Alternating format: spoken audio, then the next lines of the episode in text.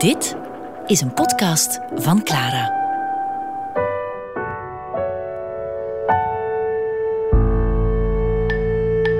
Zeitgeist met Niki Aarts.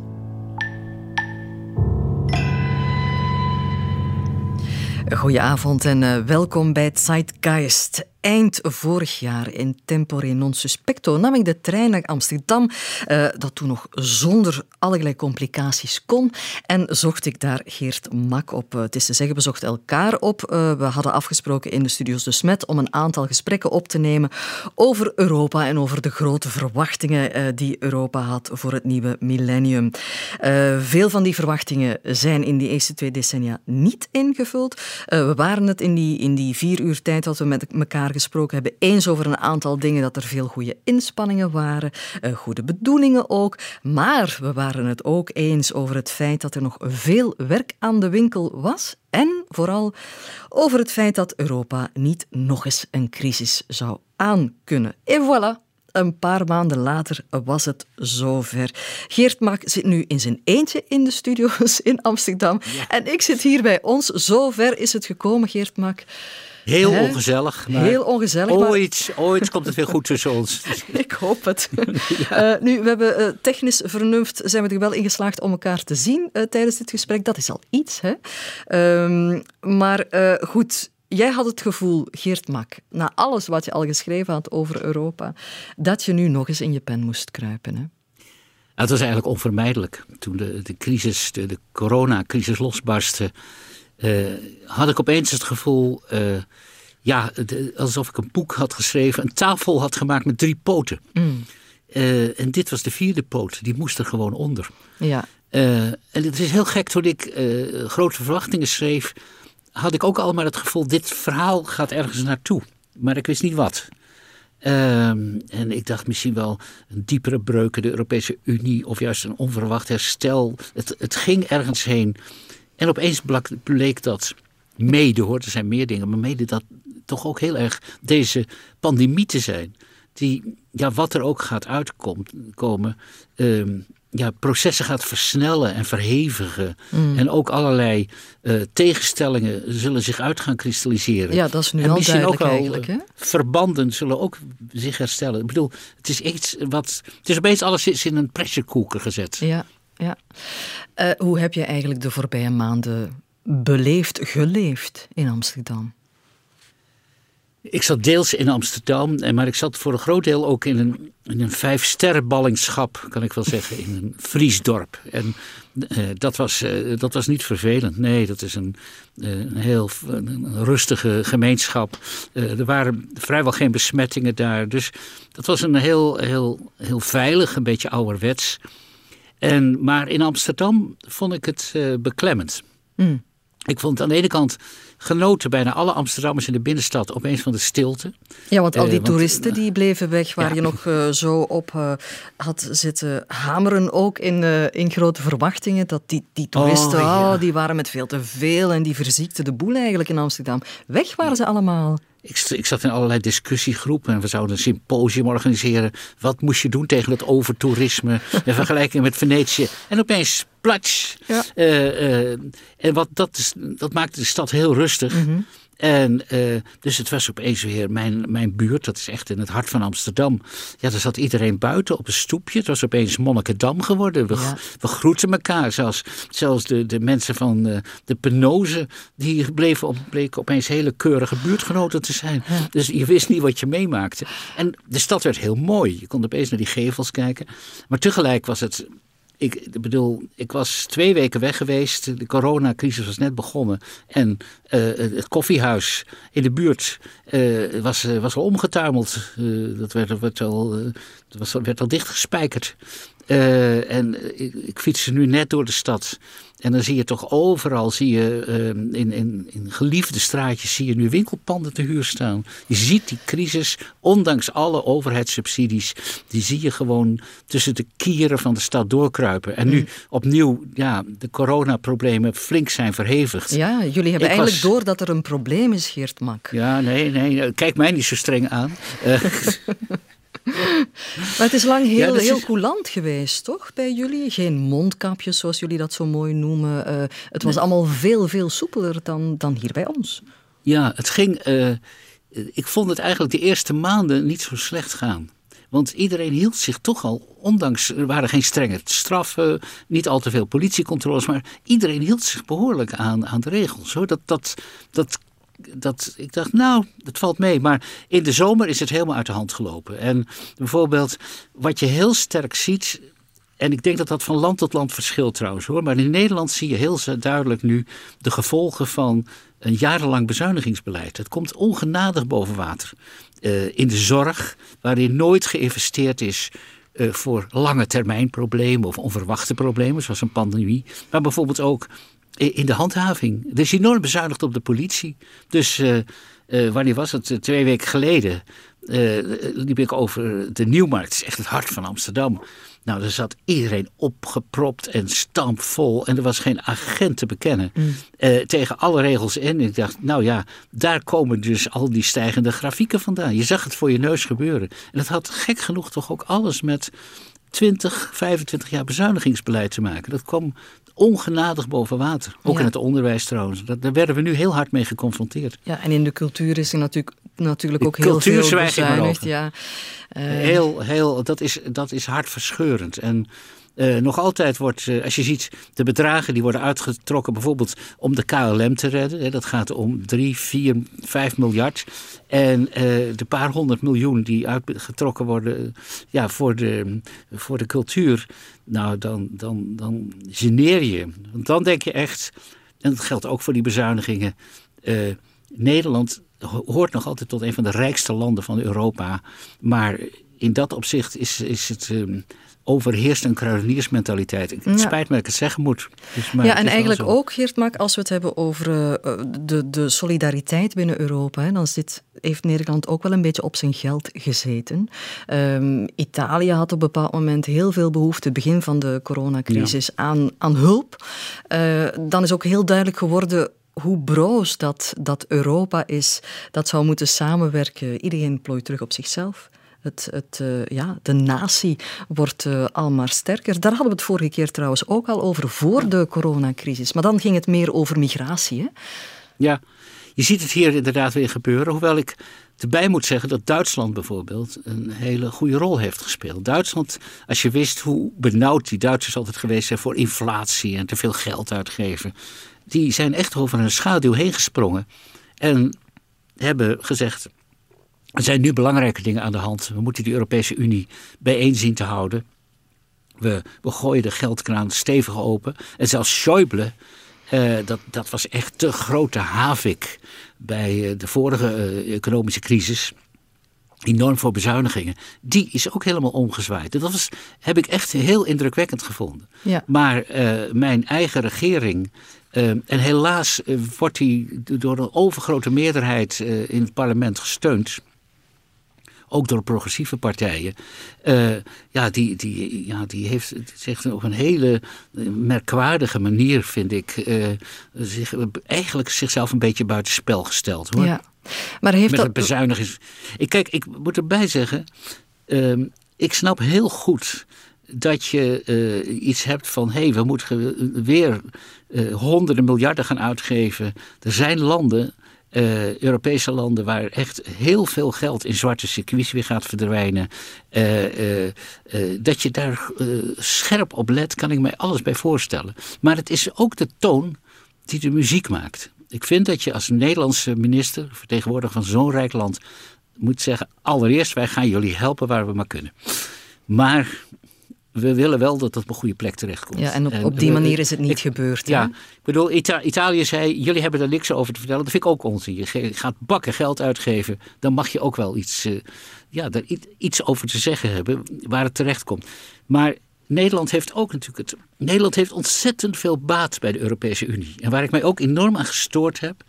Uh, de, de, de kranten, dat ging wel. Maar de politici, die hebben voortdurend gedaan alsof de zuidelijke lidstaten alleen maar profiteerden en wij alleen maar de last van hadden. En geen enkel oog voor de baat van de publieke eh, Europese Unie en voor het belang van de Europese Unie. Ja, nu dat was ook al zo bij de economische crisis, bij de bankencrisis, bij de migratiecrisis. Dan is altijd het zuiden is, is, ja, is altijd het dupe geweest, toch? Hè? Ja, deels wel, te dupe wel. Maar ja, opnieuw, uh, er zaten ook bij het, in het zuiden, zeker in Griekenland bijvoorbeeld, zaten ook echt gigantische problemen. Mm. dus uh, de Grieken waren ook de dupe van zichzelf. de, de, de corruptie en de patronage, dat vliegt alle kanten uit. Het, is een, het zijn economieën, en dat geldt ook voor Zuid-Italië, die bijna niet moderniseren. Die alsmaar alleen. Ik denk dat je dat proces, en dat is een proces niet van een paar jaar, maar van een paar generaties dat kun je niet afdwingen met een pistool op de borst. Nee, maar zeg je dan eh, af en toe is het goed dat er eens een, een crisis komt? Nou, ik denk, ja, een crisis maakt een heleboel dingen duidelijk. Ehm, maar ja, ik denk dat, het, dat de Europese, de, de eurozone met name, niet al te veel crisissen meer kan hebben. Oh, en nee, dat, dat, daar waren we het al over eens uh, in december toen we elkaar spraken vorig ja, jaar je stuit de hele tijd weer op hetzelfde probleem. Dat de euro één munt, eenheid is zonder een gemeenschappelijk uh, financieel beleid. En ja, en gezondheidszorg is nota bene een nationale kwestie ook nog. Dat kan niet op Europees vlak worden. Ja, de zorg, daar ben ik het, eh, dat, dat moet je nationaal regelen. Maar mm. wat, wat de financiën betreft, uh, ja, die euro blijft maar wringen en wringen. En gek genoeg, ik denk dat je, als je die, zo'n crisis moet je gebruiken ook om sprongen vooruit te maken. En om dingen echt te heroverwegen. En het zou mij heel wat waard zijn als ehm, voor en achter de schermen uh, in Brussel hevig nagedacht gaat worden, met name over eh, de toekomst van de euro. En moeten wij daar niet een nieuwe constructie voor verzinnen? Moet dat niet flexibeler worden? Want dit gaat knappen op een gegeven moment, dat weet ik zeker. Ja, die, die, ik wil nog even terug inhaken op die, uh, de zorg als een nationale uh, kwestie en niet Europees. Is dat in zo'n geval van, van de pandemie nu, zou dat toch niet beter geweest zijn mocht daar een soort van eenheid zijn in aanpak, die nu totaal afwezig was? Ja, ik denk dat de Europese Commissie gedaan heeft wat het kon en wat het moest. Dat, dat, dat, toen ik alles eens op een rijtje zette voor dat epiloog, eh, dan zie je ook dat, dat ja, eigenlijk de Europese Unie precies deed uh, wat de lidstaten wilden, namelijk niets. En uh, ik denk dat het een, een, een ontzettend moeilijk is ook om die zorgsystemen onder één Europese noemer te brengen. Zelfs in Spanje verschilt het al per, per regio en zo. Dat is kwestie van jaren en jaren.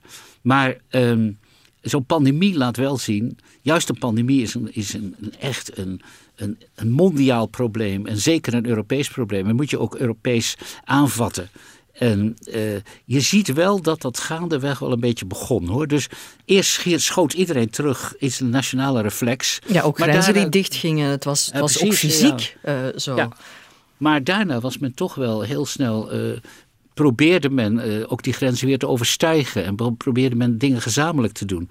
Maar ik moet zeggen, de, de, de verschillen bleven enorm. Bijvoorbeeld wij in Nederland, eh, Nederlandse autoriteiten riepen op een gegeven moment eh, dat testen helemaal niet zo nodig was en mondkapjes niet nodig, et cetera. Wat gewoon onzin was. Alleen ze hadden geen mondkapjes en geen testen. Mm. Dus wij zijn ook wel een beetje bij de neus genomen hoor, ja. in Nederland. En andere landen, ja, daar, daar, daar was men weer veel strenger. Wij vinden de, de Franse politiestaat, ja, daar deinzen wij van links tot rechts, eh, deinzen wij weer voor terug. Maar dus je ziet ook wel de nationale karakters. bij jullie wel inzitten, hè? Dat uh, rebelse blijft er bij jullie wel inzitten. Ja, en dat ook een beetje heel luid verkondigen. Nederland is een beetje anarchistisch, ja. Alleen, uh, dat luid verkondigen, daar hebt u helemaal gelijk in. Nederland is ook heel preekterig. Wij zijn het beste. En bijvoorbeeld die mondkapjes. Met Zweden zijn wij het enige land waar nog altijd krachtig wordt gezegd door de belangrijkste autoriteit, meneer Van Dissel. Mondkapjes zijn niet echt nodig. Uh, gelukkig zie je dan dat de burgemeesters hun rug rechten. Die hebben net deze week gezegd: wij eisen wel mondkapjes, voor, waar, voor, voor zover het maar kan. Dus zo'n stad is Amsterdam, dan, dat zie je helemaal vollopen met mondkapjes. Maar ehm, dat zijn echt hele rare. Uh, ja, die, die eigenwijzigheid gaat wel iets te ver. Ja. Uh, zeker in het geval van zo'n pandemie, ja, als het over de gezondheid gaat, de nationale gezondheid in jullie geval. Ja. Ja, precies. En er spelen belangen. Dat komt nu ook steeds meer boven water.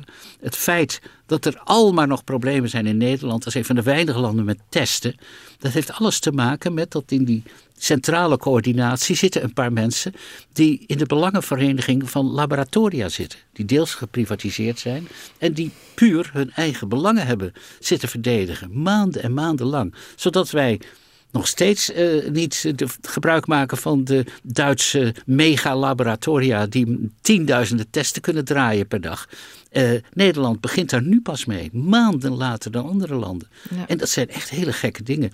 En dan zijn we ook zo braaf. Ja, sorry dat ik zo over mijn eigen land zit te roddelen eigenlijk bij jullie. Maar goed. ja, jij eh, mag dat, zijn... ik niet, dus ik luister gewoon. maar dan zijn we zo, dat eigenlijk nu pas begint de pers echt wakker te worden.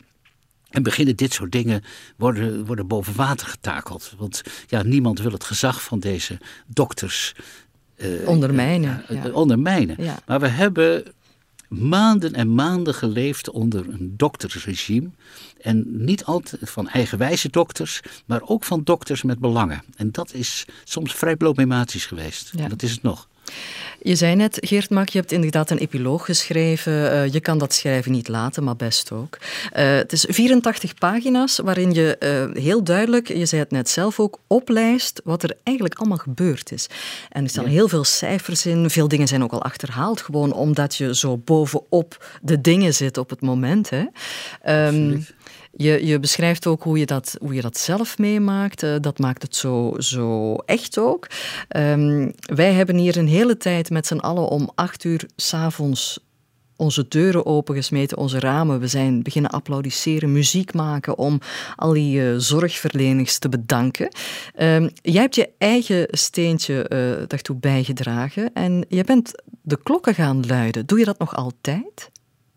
Soms, ja. Het was toen. Uh, ik, ik hoor, ben, uh, het dorp waar ik deels woon, ben ik reserveklokkenluider.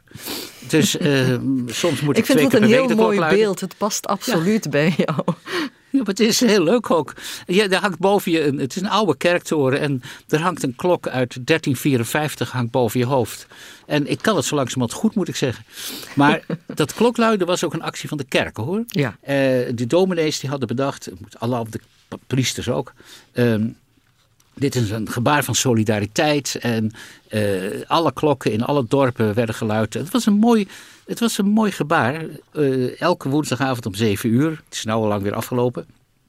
Alleen, mijn dorp was, is niet zo gelovig eerlijk gezegd. Dus iedereen slok zich het aaplazerus toen ik om zeven uur opeens een kwartier die klok ging luiden. En een kwartier is ontzettend lang. Dus, is dat lastig? Dat gaf grote verwarring eigenlijk. Ja, en is het lastig nee. om te doen? Nee? Als het ding helemaal in gang is, dan, uh, dan kun je een hele poos doorgaan hoor. Ja.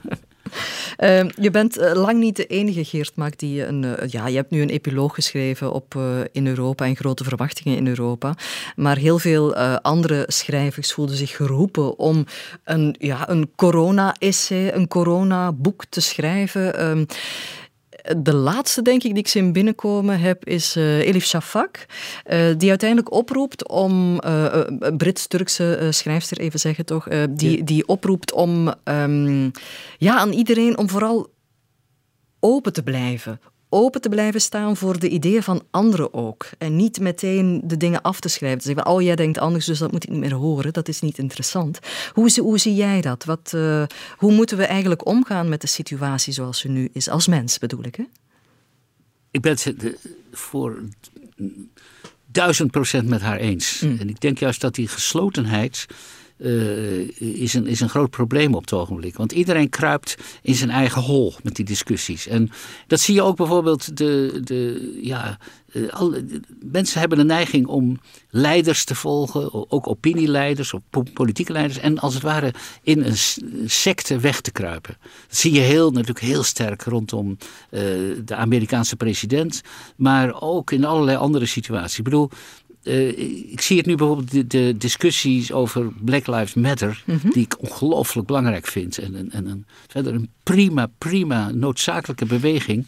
Maar dan zie je wel, als je in bepaalde delen van die beweging, als je daar niet precies de goede taal gebruikt hebt, eh, of je bent, eh, ja, je, je- je bent toevallig geboren en opgegroeid in een, in een, in een of ander Fries dorp, dan tel je al niet meer mee. Dan word je al uitgestoten. Nou, dat is natuurlijk een, een, een, een ontwikkeling van helemaal niks. Omdat we juist heel open en hard moeten nadenken in deze tijd. En eh, ik denk ook juist zo'n crisis wordt alles op losse groeven te zet- gezet. En dat geeft grote problemen. Maar het is wel een mogelijkheid om ja, over deze periode heen te springen. En juist eh, verder te gaan eh, dan alleen maar het herstel van de oude situatie. Ja. Dus ik, bedoel, ik vind een prachtig voorbeeld vind ik de New Deal. Hè, in die enorme crisis in de jaren 30. eh, Roosevelt kwam in 1933 aan de macht.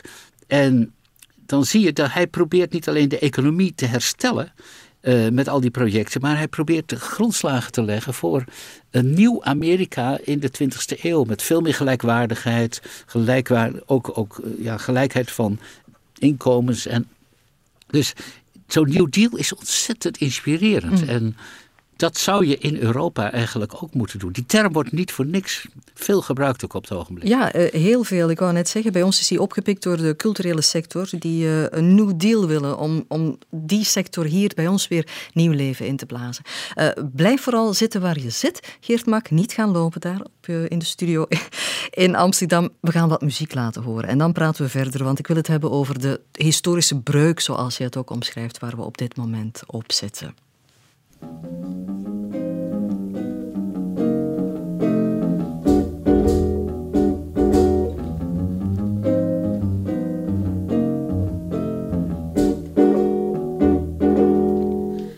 Plus je t'embrasse, plus j'aime t'embrasser. Plus je t'enlace, plus j'aime t'enlacer. Le temps qui passe ne peut rien y changer. Mon cœur bat quand tu t'en vas, mais tout va bien quand tu reviens. Car plus je t'embrasse, plus j'aime t'embrasser. Je ne peux m'en lasser. J'en ai tellement que j'oublie tout dans la vie? C'est insensé ce que j'aime t'embrasser? Plus je t'embrasse, plus j'aime t'embrasser. Plus je t'enlace, plus j'aime t'enlacer. Le temps qui passe ne peut rien y changer. Mon cœur bat quand tu t'en vas, mais tout va bien quand tu reviens. Car plus je t'embrasse, plus j'aime t'embrasser. Je ne peux m'en lasser. J'en ai tellement envie que j'oublie tout vie. C'est en sens ce que j'aime t'embrasser. Plus tu m'aimes, plus je t'aime. Plus j'aime t'embrasser.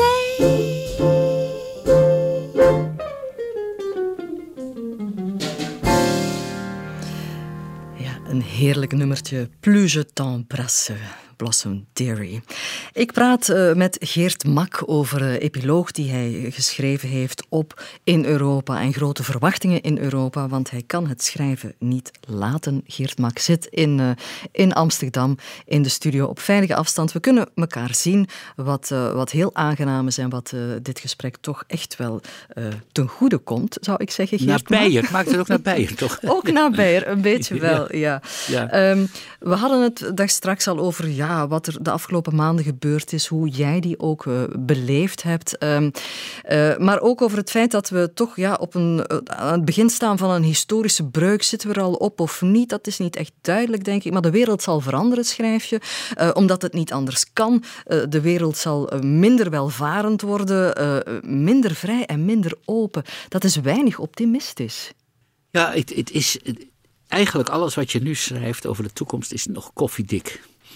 Uh, dus, dus ik zeg dat ook wel met, met nodige voorzichtigheid. Maar um, ja, die bewegingen zijn, gaan wel die richting in. Uh, uh, en ik denk dat, dat wij in het noordwesten van Europa kunnen het nog heel lang goed volhouden. We hebben, we hebben grote financiële buffers, goed lopende economieën, et cetera. Maar bijvoorbeeld, ja, landen, voor landen als India hè, en, en de Verenigde Staten is bijvoorbeeld ook. Dat is echt een, een, een groot probleem gaan ontstaat daar. Want ja, mensen raken hun baan kwijt. Uh, hele, hele stukken van het bedrijfsleven vallen weg. Andere herstellen zich ook alweer. Dus, maar ik denk wel dat dit, deze pandemie een, een duw geeft in de richting van meer overheid, meer autoritaire regimes mm. uh, en, en, en, en wat iets meer zei. Dat hebben pandemieën namelijk altijd gedaan. Ja. Pandemieën gaven overheden altijd weer middelen ja, dat moet, die hadden ze ook even nodig. Vanaf de pest in de middeleeuwen al om, om, de, om de, de pandemie te bestrijden. Maar daarna hielden ze ze in handen. Er zijn auteurs die zeggen zelfs... de absolute monarchieën zijn eigenlijk ontstaan uit noodmaatregelen tegen de pest. Ja, het is dus een kwestie dus, van, van eh, waakzaamheid aan de dag te, te leggen. Ongelooflijk wakker moeten we zijn. Ja. Maar tegelijk zie je ook... en die, die tendensen waren al veel langer aan de gang... alleen die worden ook versterkt. Natuurlijk een... een uh, zeker op, op, op Twitter en op Facebook zie je eigenlijk een permanente aanvallen op de waarheid. Op, en nu kun je discussiëren over wat waar is, maar eh, openlijk liegen, echt heel bewust liegen. Uh, dat, dat is echt. Uh, en dat, daar, ook, uh, daar ook een eer in scheppen. Mm. en dus, dus gewoon. Ja, dat, dat ondermijnt eigenlijk elke politiek en elke democratie. Net als het begrip vertrouwen. Het permanent al die democratische instituties, en die fungeren vaak niet fantastisch, et cetera. Alleen die systemen draaien wel op vertrouwen. Uh, en dat, dat zie je in Amerika nu in extreme mate mm. ondermijnd worden. Bij deze verkiezingen uh, die we nu gaan krijgen, ja, dan zie je al die bewegingen eigenlijk bij elkaar komen. He, um, wat is nog werkelijkheid? Wie kunnen we nog vertrouwen? Kunnen we ons systeem nog vertrouwen? Trump zei voortdurend wantrouwen daarover. Um, en daar, daar, daarmee trek je eigenlijk je hele democratische systeem onderuit. Ja. Daarom zijn deze verkiezingen ook zo historisch. Het gaat eigenlijk over de, het Amerikaanse democratische en rechtsstatelijke project, dat 200 jaar, al meer dan 200 jaar bestaat. Uh, uh, kan dat nog wel voortbestaan? Ja, nu afgelopen, afgelopen dinsdagnacht was er uh, dat befaamde eerste debat in de, in de verkiezingen. Um, Amerikaanse verkiezingen, dat was inderdaad uh, alles behalve een, een proper debat, zouden wij in, in België zeggen. Um, daar zie je al welke kant het op gaat, hè? Ja, absoluut. Uh, en dat is een, een, commentatoren schreven ook van, ja, dat is een, gewoon een, een vernederend debat ook. En je moet wel bedenken, dat is niet, dit vindt niet plaats in Belarus of in Albanië. Nee, dat is de belangrijkste democratie uh, ter wereld. Dat zou het moeten zijn. En het is gewoon een bende.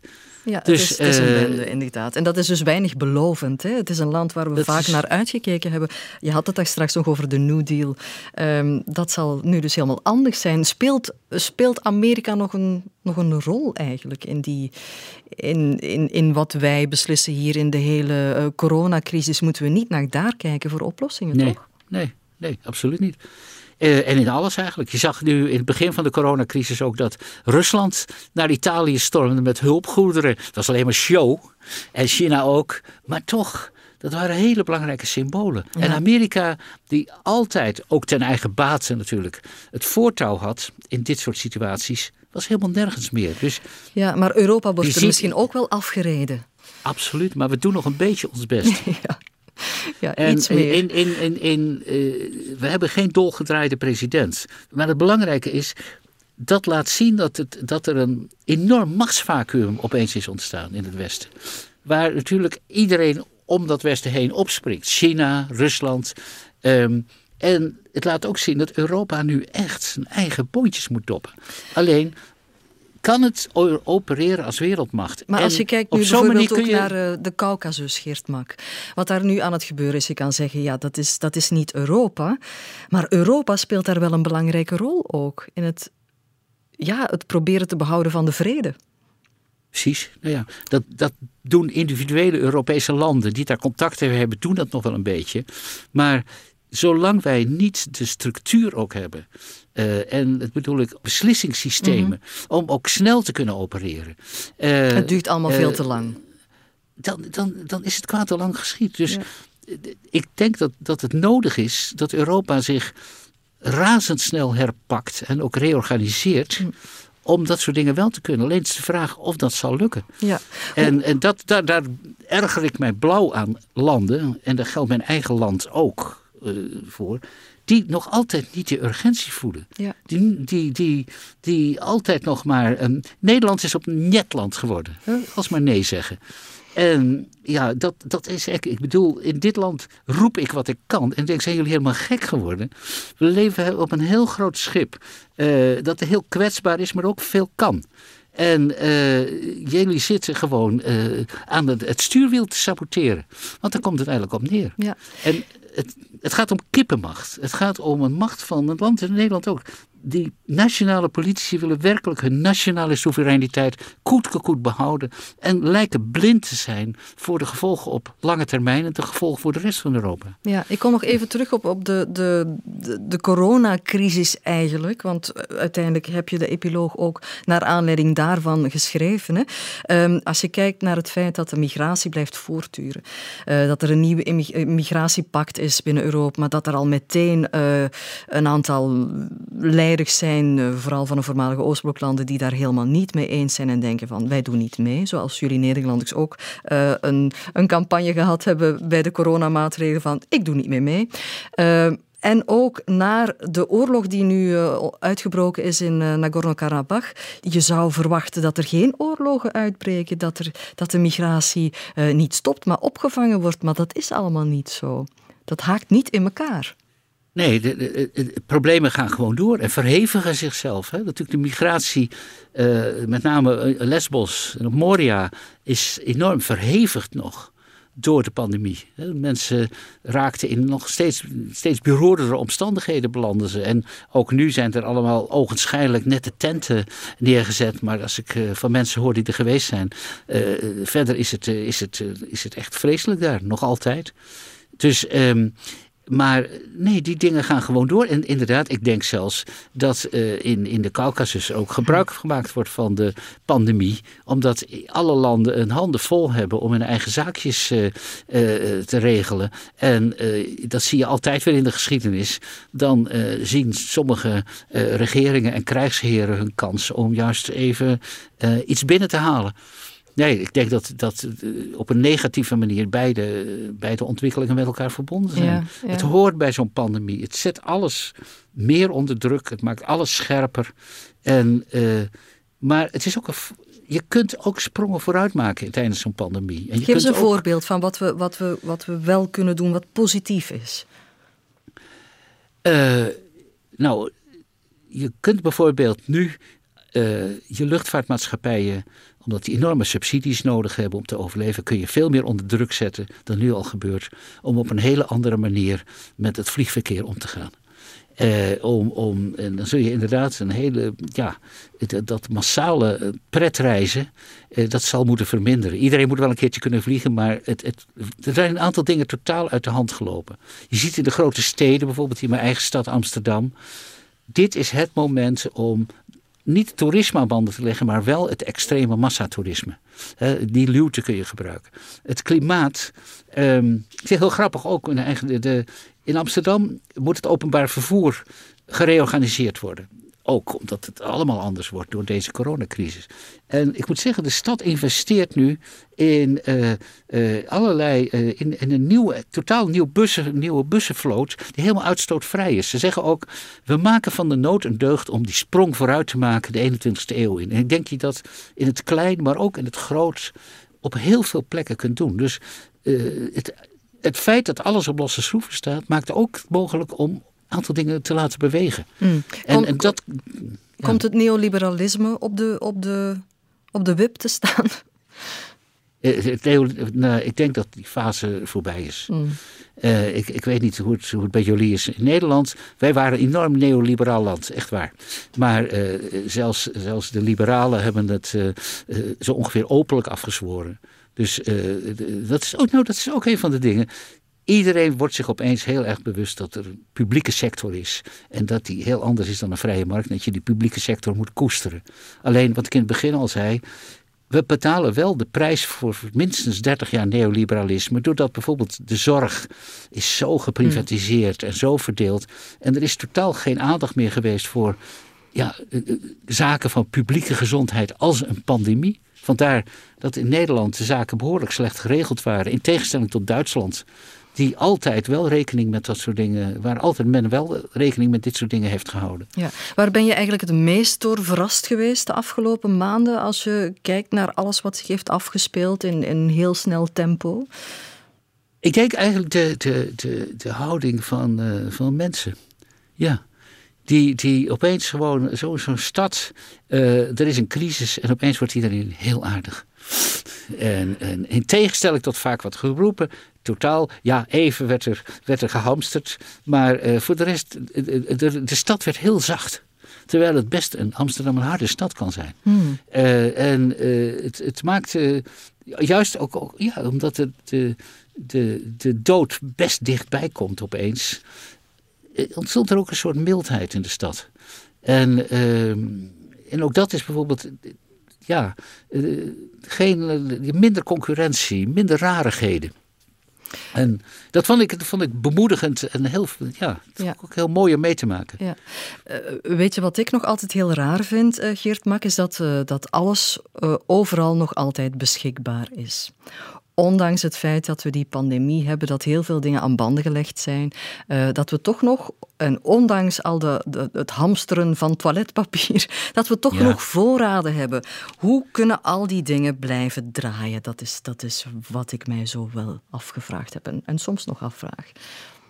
Ja, maar heel veel werk daar is niet zoveel contact bij nodig. Het zijn de sectoren waar veel contact is. Het is de cultuur, en inderdaad in Amsterdam, maar ik denk ook in, in Antwerpen, Brussel, Gent, eh, Brugge, de, de, de Vlaamse steden net zo. Ehm, dat zijn voor een belangrijk deel. Het product van die steden bestaat ook uit vertier. Uh, gezellig bij elkaar zijn. Horeca, restaurants. Uh, ja, dat deel van de economie, dat waar mensen bij elkaar zijn, dat, dat wordt theaters, dat wordt zwaar getroffen. Maar uh, de fabrikant van toilettenpapier, dat davert wel door. uh, dat, dat, uh, dus de, de, de, een flink deel van de economie zal er wel wat last van hebben, maar niet extreem veel. Hmm. Wat heb je vooral gemist? datzelfde. Het bij elkaar zijn. Hmm. het, het ja, elkaar gewoon even kunnen zien. Een beetje tegen elkaar aanzitten. Uh, uh, het omhelzen. Ik heb, de, mijn vrouw kan ik omhelzen, maar mijn vrienden, die wil je nu nou ook omhelzen. En ik merkte, gisteravond hadden wij vrienden op bezoek. En uh, dan hou je afstand van elkaar als schuwe beesten. Nou, het is, dat moet niet aan, te lang duren. Dat, uh, en het duurt al lang. Het duurt al veel te ja, lang. Ja, maar ik, ik, heb tegelijk, dat schrijf ik ook in dit, dit nawoordje, want eigenlijk is dat epiloog echt een nawoordje van, van grote verwachtingen. En in de nieuwe druk is het ook gewoon geïntegreerd en geactualiseerd. Nou ja, het is wel een nawoordje van 84 pagina's. Hè? Ja, daar kan ik ook niks aan doen. maar, Kijk, daar heb je al zo'n gevaarlijke hoest. Um, Gelukkig zit hij in Amsterdam. Ja, nee, dat scheelt hoor. Die bacteriën kunnen ver vliegen hoor. Kijk uit. Nee, maar het, het, het, het, ik, ik het ook met als je ziet wat onze ouders en grootouders hebben meegemaakt. Uh, en overgrootouders, vorige generaties. Dan dan, eh, en die hebben dat allemaal overleefd. Nou, eh, nu is het onze beurt om eens iets ernstigers mee te maken. We hebben verschrikkelijk veel geluk gehad als naoorlogse generaties. Dus uh, ja, nu moeten wij hier ook maar eens even doorheen. Dat heb ik ook wel. We moeten ook niet al te hevig piepen als je kijkt naar hoe het vroeger was. Oh, is dat, is dat het, het protestantse in, in jou, Geert Maak, dat nu spreekt? Nee, het is een historische. Ik heb altijd, als ik boeken over de geschiedenis schreef, zeker ik heb over mijn eigen familie geschreven. En ik had ook echt het gevoel, um, ik wou proberen juist niet zo erg over ze te oordelen alleen, maar ik wou ook naast ze gewoon naast ze staan. En als je naast ze staat, dan denk je, nou, wat hebben wij nu helemaal meegemaakt aan dit soort dingen? Als je denkt aan degenen die de Eerste Wereldoorlog hebben overleefd en, en, de, de, de Tweede Wereldoorlog en uh, hoe dat allemaal dan, dan, dan zijn er nog wel ergere dingen. Hmm.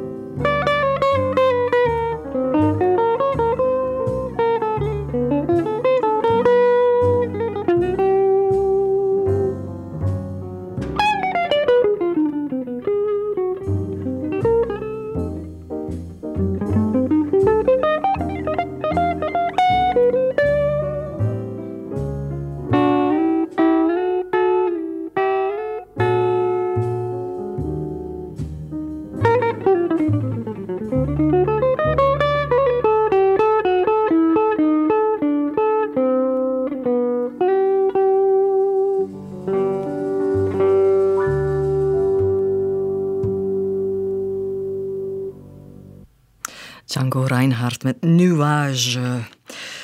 Geert eh, zit in Amsterdam en we praten al een hele tijd over eh, een epiloog die je geschreven hebt, eh, Geert, bij In Europa en grote verwachtingen in Europa. In het nieuwe, de nieuwe uitgave zit het allemaal mooi in één boek. Nu is het nog apart, die epiloog. 84 pagina's heb je volgepend met wat er de afgelopen maanden gebeurd is en hoe jij dat ziet. Ehm, ben je nu klaar met Europa of ga je opnieuw die drang voelen van er gebeurt zoveel, er gebeurt echt ontzettend veel de laatste tijd? Ja, dat is het, het, het, gekke natuurlijk. Ik, ik, ben en blijf een journalist. En mhm. je maakt je aan de ene kant, ik denk zoveel mensen, behoorlijk zorgen eh, over wat er gaande is. En, en, terecht, want het zijn echt, de vinden, nu ontwikkelingen plaats en die, over, die liggen ook een beetje over elkaar heen. Amerikanen noemen dat een perfect storm. En die is zich echt aan de horizon aan het ontwikkelen. En het kan meevallen, maar er kunnen ook hele rare dingen uit voortvloeien. Dat, dat, dat weten, maar je ziet wel die horizon zwart worden. Dus eh, als journalist, eh, als, als mens, als, maak je je zorgen. Als journalist wil je er bovenop zitten. Ehm, maar je bent ook historicus, hè? Precies. En ik heb ook wel de neiging nu om uh, een paar stappen uh, terug te, te, te, doen. En uh, over een ander thema. ik vind bijvoorbeeld wat ik net zei over die New Deal. dat, daar wil ik, dat vind ik zo ontzettend interessant wat er toen gebeurde. En ik denk, nou laat ik ook eens niet het chagrijn van deze tijd beschrijven. Maar eens even schrijven over, ja, over experimenten die wel goed gelukt zijn. Uiteindelijk ook weer met allerlei problemen en zo. Maar, en over mensen die wel over een schaduw durfden heen te springen en dat ook konden. Uh, gewoon laten zien, er, het kan wel degelijk anders. Daar heb ik op dit moment ontzettend veel zin in. Ja. Dus uh, uh, dat, is, dat is. Want, kijk, Europa. ik, ik praatte een paar weken geleden met mijn, mijn collega, Nederlandse collega Caroline de Gruyter. Die weet verschrikkelijk veel van de Europese Unie. Echt. Uh, zit er al jaren in, ook helemaal in die diplomatieke wereld. En die zegt, ach Geert, uh, jij praat alsmaar dat het zich verder gaat ontwikkelen met stappen vooruit en stappen achteruit. Zo moet je niet denken. Uh, in vroeger tijden uh, stuurden die Europese landen om de havenklap soldaten op elkaar af en dan sloegen ze elkaar de hersens in. Nu zijn het diplomaten die in wezen hetzelfde werk doen. En je ziet ze ook uit, de, uh, uit het Berlimon strompelen om, om half vijf ochtends, bezweet, hemd uit hun broek, helemaal kapot. En dan hebben ze weer een robbertje gevochten. en dat zijn de diplomaten, zijn de soldaten van nu. En dat is toch een hele vooruitgang.